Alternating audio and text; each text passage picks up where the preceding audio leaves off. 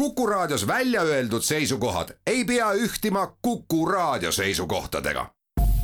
Te kuulate Kuku Raadiot.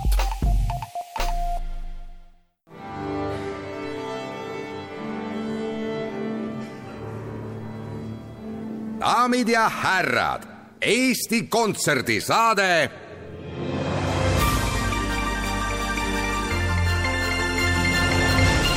aplaus.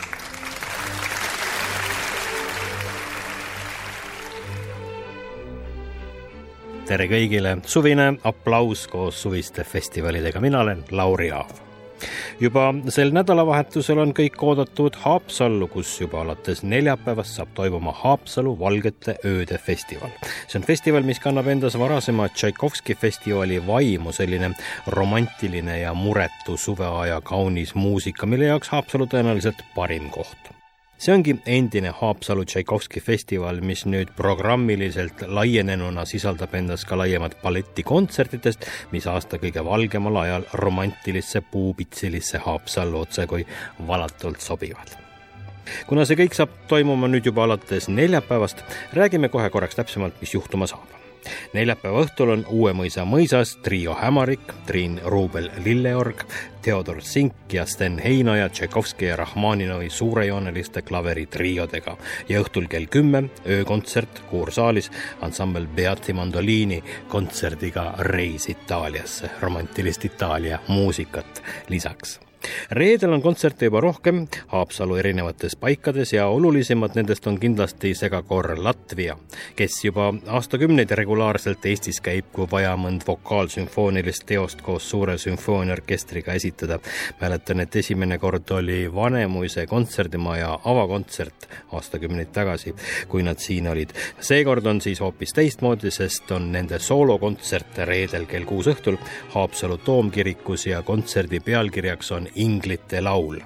Vene kirikumuusika kuldajastu repertuaar ja mulle nii väga subjektiivselt tundub, et Latvia on küll hetkel maailmas parim, kes seda teha oskab reedel veel kavas Peterburi konservatooriumis õppinud Eesti heliloojate ja ka vene klassikute romansse Karis Trassi ja Priit Volmeri esituses ja öökontsert kell üksteist Klossi kirikus, kus kavas Tšaikovski keelpillisekstett Firenze suveniir laupäeval kolib festival raskuspunktiga lossihoovi, kus kella seitsmesel kontserdil on laval Tallinna Kammerorkester, dirigendiks Andres Kaljuste ja solistiks hiljuti, kuidas ma nüüd liialdamata ütleks, klassikalise muusika olümpiamängudeks kutsutud Brüsseli kuninganna Elizabethi konkursi kolmanda koha laureaat tšellist Marcel Johannes Kits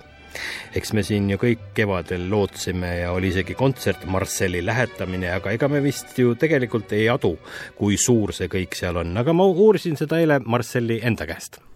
no ma läksin sinna konkursile, ütleks, et kahetiste tunnetega, et ühest küljest ma mm, et kuna noh, toon näite, et eelmine aasta proo-, proovisin ka ühte konkurssi, ka ühte väga suurt konkurssi, aga seal sellega ette, ettevalmistusega läks natuke nihu, et võtsin liiga palju asju, ei jõudnud eest ette valmistades ei saanud edasi, aga siis ma otsustasin äh, selle konkursi puhul nii-öelda, et kõik mängu panna, et võtta ka riske selles mõttes, et noh, ohverdasin palju, et saaks hästi ette valmistada ja, ja, ja noh, et ka see lähetamise kontsept oli üks paras selline ähm, julge risk ikkagi, et, et kes, kes ikka muidugi läheb niimoodi enne enne karu tapmist nahka jagama või kuidagi, aga aga see, selle väärtus oli minu jaoks niivõrd kõrge, et, et ma, ma, et see oli minu jaoks sellest seda väärt. oligi see, et see ambitsioon oli, oli kõrge, et, et andsin endast kõik ja teisest küljest oli, oli muidugi see hirm, et, et äkki noh, ei lähe hästi, mis on alati täiesti võimalik, sest konkursid on konkursid ja seal ongi, seal on tavaks, et juhtub üllatusi no ja siis tulid head uudised, et sa oled saanud poolfinaali, siis tulid veel suurepärasemad uudised, et sa oled saanud päris finaali, aga aga ka seal finaalis oli kaksteist osalejat, räägi natukene üldse nendest mastaapidest, et me aru saaks. jah, kõigepealt oli kuuskümmend kuus mängijat esimeses voorus, kes lasti saja viiekümne kolmest mängijast, kes saatsid video oma mängust ja kuuekümne kuuest lasti kakskümmend neli poolfinaali ja sealt lasti edasi kaksteist finaali, mis on konkursi puhul äh, siiski ebatavaline, sest et tavaliselt konkurssidel on finaalis ikkagi, ikkagi vähem, kas kuus või äärmisel juhul kolm isegi, et selles mõttes pinge nagu jätkus. No see pole äh, siiski olümpia selles mõttes, et, et keegi seal joonlaua ja sentimeetriga midagi ei mõõda, vaid, vaid kõik on noh, teatud mõttes jääb see tulemus ikkagi subjektiivseks, küll äärmiselt pädeva žürii hinnangute summaks, aga see on siiski subjektiivne. olete selle lõpplahendusega rahul? see on hästi öeldud küll, et see jääb ikkagi natuke subjektiivseks, aga jaa, ma olen, olen tõesti siiralt rahul, et, et mul, et kui mõni, kes sai parema koha või et kes, kes minu hinnangul nagu ei oleks seda väärt või midagi sellist, aga, aga seal, seal tõesti need, kes said, said teise esimese koha, et nad on, on, on tõesti väga head mängijad ja mul on hea meel nende üle, et, et seal oli, oli ka mõni, kes oleks võinud minu arvates koha saada, kes ei saanud. et kui tulemusi öeldi, siis noh, see tunne oli muidugi jah, unustamatu, et ja, ja seal on see, see tava, et kõigepealt öeldakse välja esimene koht, ehk siis kõik saavad šoki osaliseks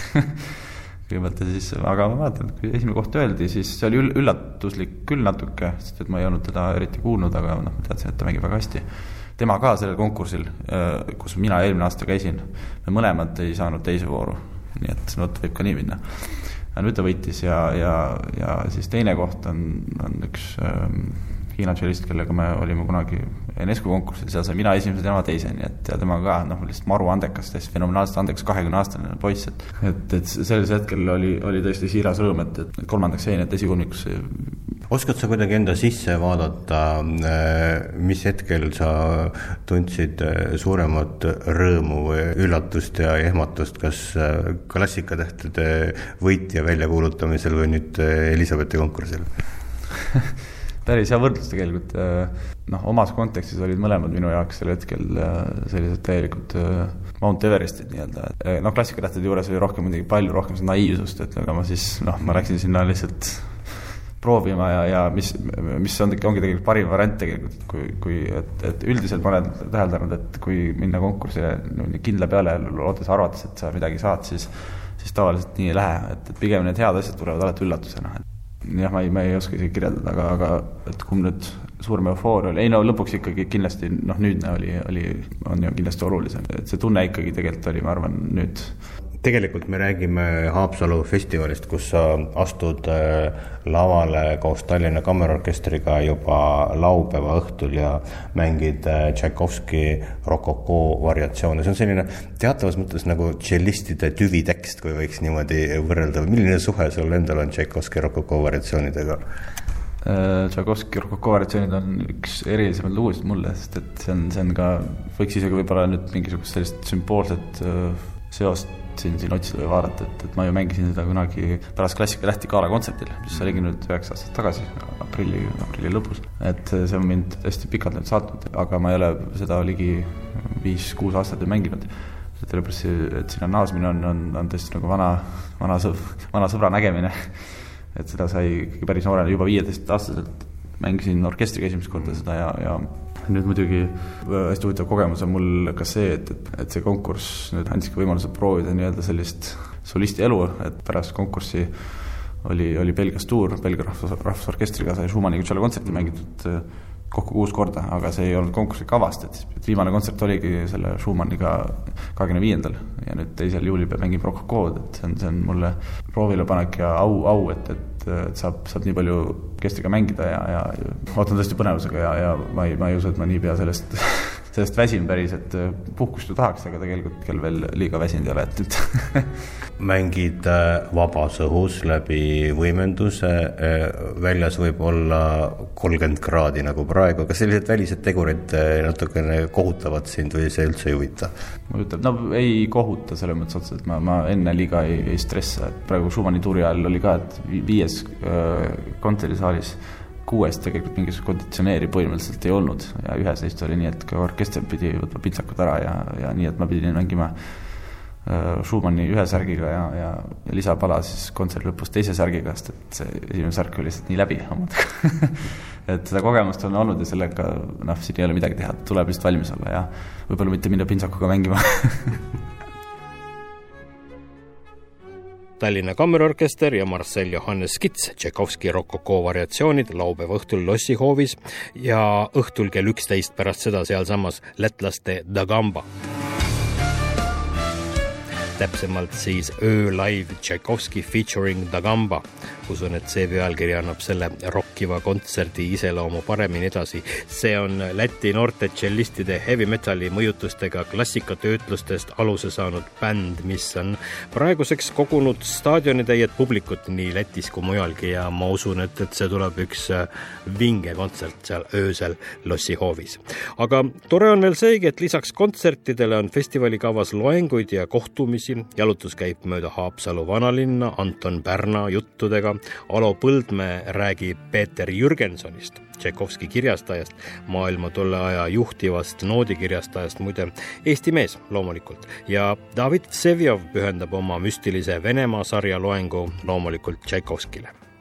nii on Haapsalu Valgete Ööde festival seekord veel üsna Tšaikovski keskne. vaatame, kuidas need arengud tulevikus kulgevad. Pea samal ajal, nagu ka muide paljudel varasematel aastatel, on Ida-Virumaal toimumas festival Seitsme linna muusika juba kahekümne neljas järjekorras esimesest üheksanda juulini on see Ida-Virumaa kaunites kontserdipaikades. esinejateks muuhulgas ansambel Noorkuu Sakamõisa suvelaval, Šabat kvartett Kohtla-Järve kultuurikeskuses, Hedvig Hansoni trio Toila Valgevillas, Jaan Tätte Sonda kõlakojas, Valter Soosalu Illuka kirikus ja veel paljud-paljud teised. üksteist kontserti kokku esimesest üheksanda juulini ja Pärnu ooperipäevade külalisteatriks on Poola kuninglik ooper, kavas Mozarti Don Giovanni ja Stanislav Monjuško ooper Õudne mõis ning traditsiooniline pidulik Poola kuningliku ooperiteatri galakontsert koos õhtusöögiga ja see kõik on seitsmendast üheksanda juulini Eesti parima akustikaga ooperiteatris ehk Pärnu kontserdimajas. üldse on toreda juhusena sel suvel siin otsekui Poola ooperiteatrite invasioon, sest ka Saaremaa ooperipäevade külalised tulevad Poolast. selleks on Silesia ooperiteater, mis asub Bütomis ja pealavastajaks on seal rahvusvaheliselt tunnustatud lavastaja Mihhail Znanetski ja Saaremaa ooperipäevad on sel suvel kahekümnendast kahekümne neljanda juulini, aga sellest kõigest räägime juba täpselt siin ja samal ajal kahe nädala pärast. seniks aga kohtume teiega Haapsalus, Ida-Virumaal ja Pärnus. kõike paremat!